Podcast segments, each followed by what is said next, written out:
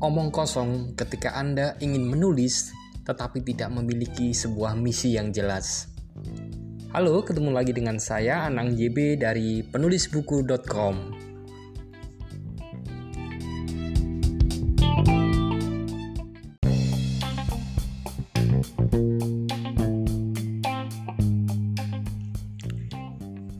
Iya, halo. Kali ini saya mau ngomong soal beberapa omong kosong yang sering dilakukan dan diucapkan oleh penulis, entah itu penulis pemula maupun penulis yang bercita-cita ingin profesional, namun mereka tidak bisa melaksanakannya dengan baik. Maaf kalau agak-agak keras, tetapi ini adalah beberapa hal yang yang saya temukan dari sekian banyak saya berinteraksi dengan teman-teman terutama para calon penulis. Kita mulai ya.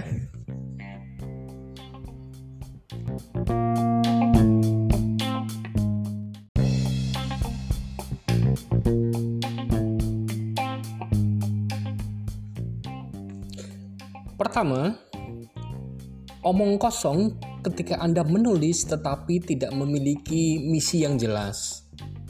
Misi itu apa? Misi adalah sebuah rumusan yang berupa tindakan yang ingin Anda lakukan untuk mencapai sebuah tujuan tertentu atau ingin mencapai sebuah visi tertentu. Gitu. Anda bikin sebuah buku, misi apa? Misi Anda apa? Bingung?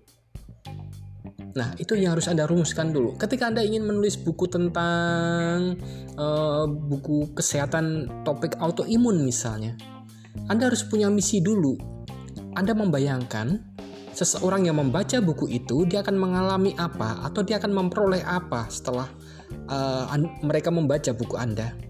Atau ketika Anda menulis buku tentang hmm, entrepreneur misalnya.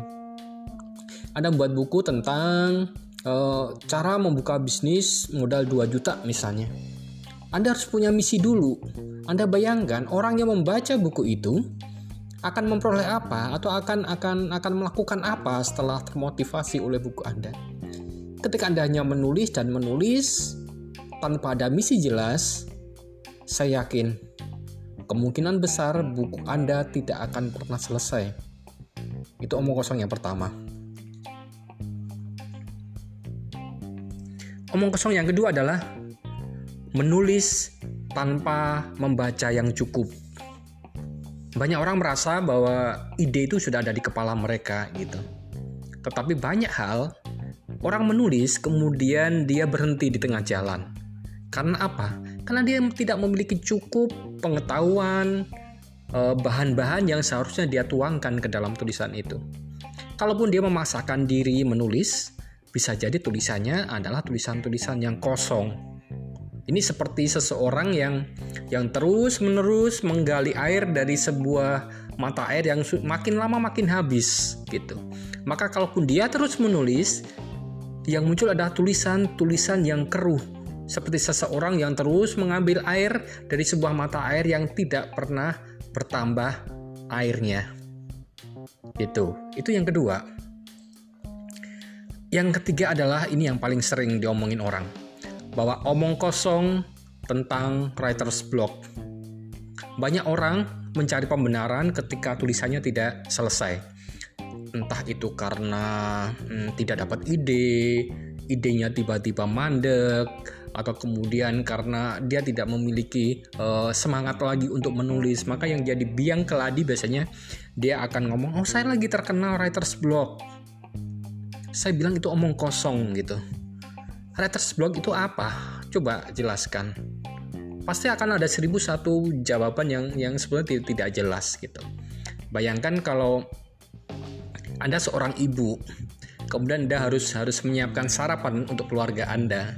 Kemudian ada beralasan bahwa oh saya lagi lagi lagi dalam tanda kutip lagi writer's block gitu lagi lagi nggak nggak nggak nggak ada mood untuk untuk memasak gitu itu tentu sebuah omong kosong demikian pun dengan seorang penulis gitu apalagi penulis profesional dia nggak bisa hanya mengandalkan dari mood kemudian menyalahkan writer's block sebagai alasan dia untuk tidak menyelesaikan naskahnya gitu jadi jangan pernah memasukkan alasan writer's block ke dalam uh, deretan pembenaran atas tidak selesainya naskah Anda. Oke. Okay? Nah, yang keempat adalah omong kosong menulis tanpa deadline. Ya, omong kosong menulis tanpa deadline. Kenapa? Karena Anda tidak akan pernah bisa selesai menulisnya. Gitu. Ya. Saya harus menulis uh, dalam waktu dua bulan harus selesai.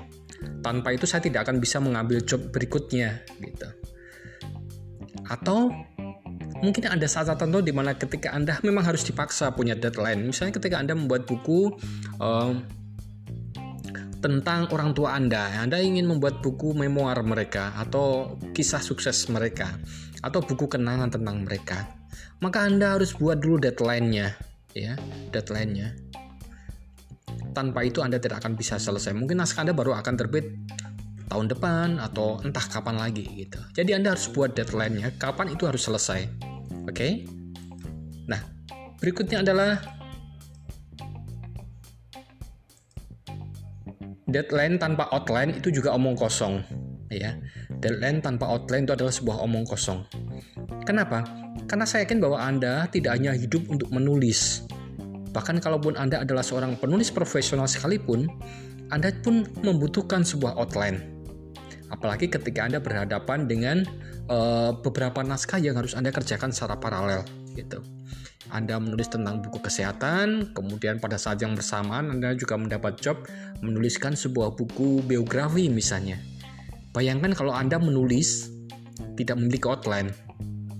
Anda berhenti, ada jeda dua minggu, kemudian Anda berpindah ke naskah berikutnya, dan ketika Anda kembali ke naskah pertama, Anda kehilangan arah mau nulis apa, apa yang sudah ditulis, apa yang belum ditulis, itu menjadi sebuah omong kosong untuk dilanjutkan. Gitu.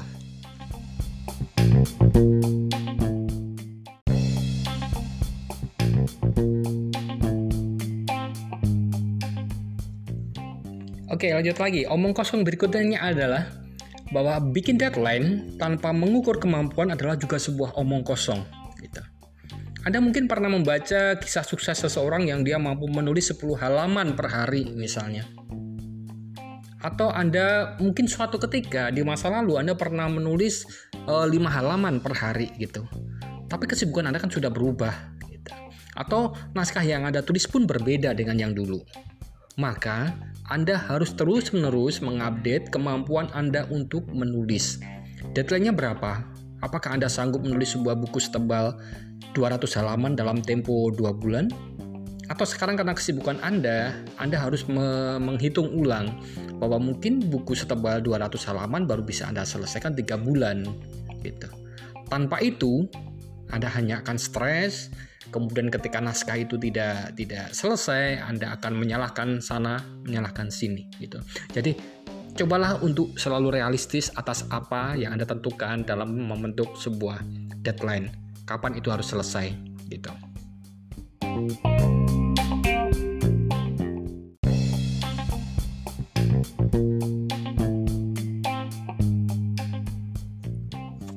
Nah, berikutnya adalah omong kosong tentang bahwa Anda punya deadline tapi Anda anggurin gitu. Anda tidak ketat, tidak taat dengan deadline yang Anda Anda susun. Anda bilang bahwa Anda akan menyelesaikan naskah pada tanggal 17 Maret misalnya tetapi karena kesibukan Anda dan tidak ada orang yang memang memang akan mengejar-ngejar Anda karena itu adalah novel pribadi Anda, maka Anda sesuka hati untuk uh, mengabaikan deadline itu. Maka itu adalah sebuah omong kosong ketika Anda bercita-cita untuk menyelesaikan sebuah naskah. Lepas apakah naskah itu pesanan orang atau Anda pakai untuk uh, gagasan Anda pribadi, Anda harus ketat dan taat kepada deadline yang yang Anda buat. Apa gunanya Anda membuat deadline kalau Anda sendiri tidak bisa mentaati hal itu? Oke. Okay? Nah, berikutnya adalah sebuah omong kosong ketika Anda menulis tapi nggak pakai rehat, nggak istirahat. Gitu. Bagaimanapun juga kemampuan berpikir kita ada saat-saatnya di mana dia mulai lemah. Anda harus mengambil waktu untuk beristirahat saya dulu menulis dari pagi sampai pagi lagi karena banyak orderan. Sekarang pun sama. Saya nulis karena banyak orderan. Bedanya adalah dulu saya menulis tanpa istirahat. Maka saya sakit, masuk rumah sakit, kena serangan jantung. Kemudian saya harus bikin jadwal baru.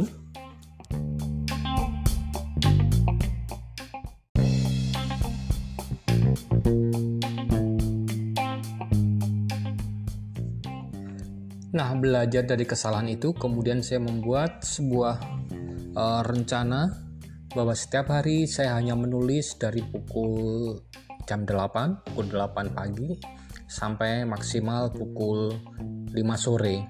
Kalaupun malam masih ingin menulis bahwa itu adalah sekedar karena saya pingin, karena saya memang sedang sedang fresh, atau mungkin malam hari lebih banyak saya isi dengan membaca buku atau mendengarkan uh, podcast, mendengarkan musik atau menonton video di YouTube. Gitu. Artinya harus ada jadwal yang jelas kapan kita menulis dan kapan kita beristirahat. Oke, masih ada lagi lanjutannya. Bahwa omong kosong, Anda menjadi penulis tetapi Anda tidak gaul dengan sesama penulis. Lebih-lebih Anda tidak gaul dengan para penulis senior. Ya. Kenapa? Karena ilmu menulis bukanlah hanya sekedar Anda bisa mengetik, Anda tahu tekniknya, kemudian Anda punya uh, punya ide anda juga perlu untuk terus membangun jejaring dengan dengan penulis lain gitu. Sebab menulis bukanlah seperti seorang pelukis. Anda Anda punya kuas, kemudian Anda ambil kanvas, kemudian Anda membuat sebuah lukisan. Proses menulis, menerbitkan buku adalah sebuah uh, sebuah proses yang yang melibatkan banyak pihak. Ada Anda, ada editor, ada mungkin ada ilustrator, dan pastinya ada ada penerbit.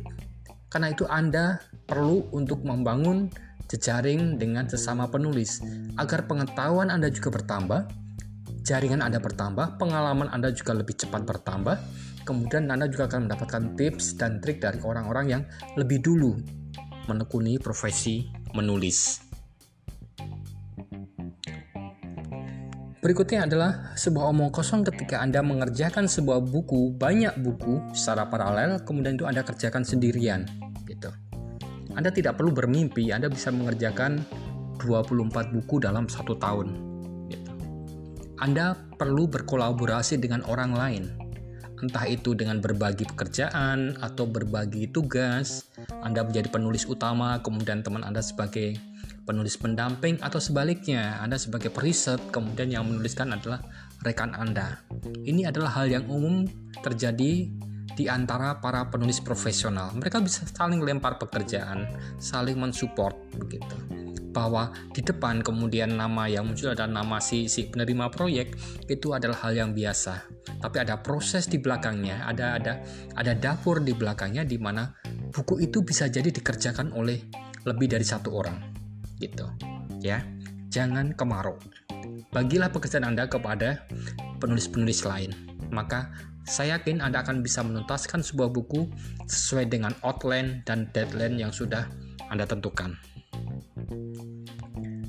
Nah, berikutnya yang penting juga adalah bahwa Anda menulis tetapi tidak Anda publikasikan. Itu adalah juga sebuah omong kosong gitu. Apalagi ketika dikaitkan dengan dengan misi Anda di depan gitu. Jadi buat tambah Anda menulis, kemudian Anda tidak percaya diri untuk mempublikasikan tulisan Anda.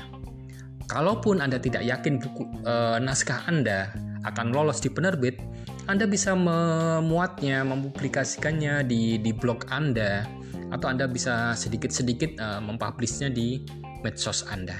Ya. Anda harus yakin dengan misi Anda yang sudah Anda tentukan di depan. Ya. Apa yang akan Anda lakukan sehingga orang memperoleh manfaat atas tulisan Anda. Itu harus Anda pegang terus sampai naskah itu selesai. Dan ketika naskah itu selesai, Anda punya kewajiban untuk mempublikasikan naskah Anda. Begitu. Nah, sekarang yang terakhir adalah sebuah omong kosong ketika Anda sudah membuang-buang waktu ikut kuliah online kayak gini, tapi Anda tetap tidak menulis. Apa gunanya Anda buang waktu? Ya Anda bisa pergi ke mana Anda bisa nonton film atau buka Netflix misalnya buat apa untuk dengerin dengerin saya ngomong kemudian Anda berinteraksi juga di grup ini tapi setelah selesai Anda tidak juga menyelesaikan tulisan oke okay? jadi itulah beberapa hal yang yang menurut saya adalah sebuah deretan omong kosong yang sering kali menjadi dalih dari para penulis ketika dia gagal untuk menuntaskan naskahnya.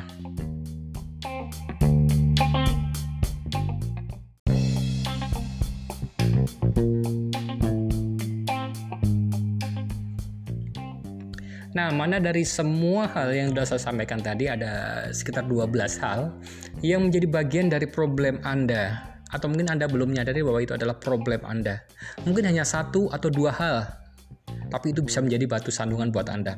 Anda menulis tanpa deadline atau Anda menulis tapi tidak membuat sebuah outline yang cukup lengkap gitu. Atau Anda menulis karena Anda tidak punya visi khusus sehingga mau jadi tulisannya atau enggak itu tidak tidak masalah buat Anda gitu.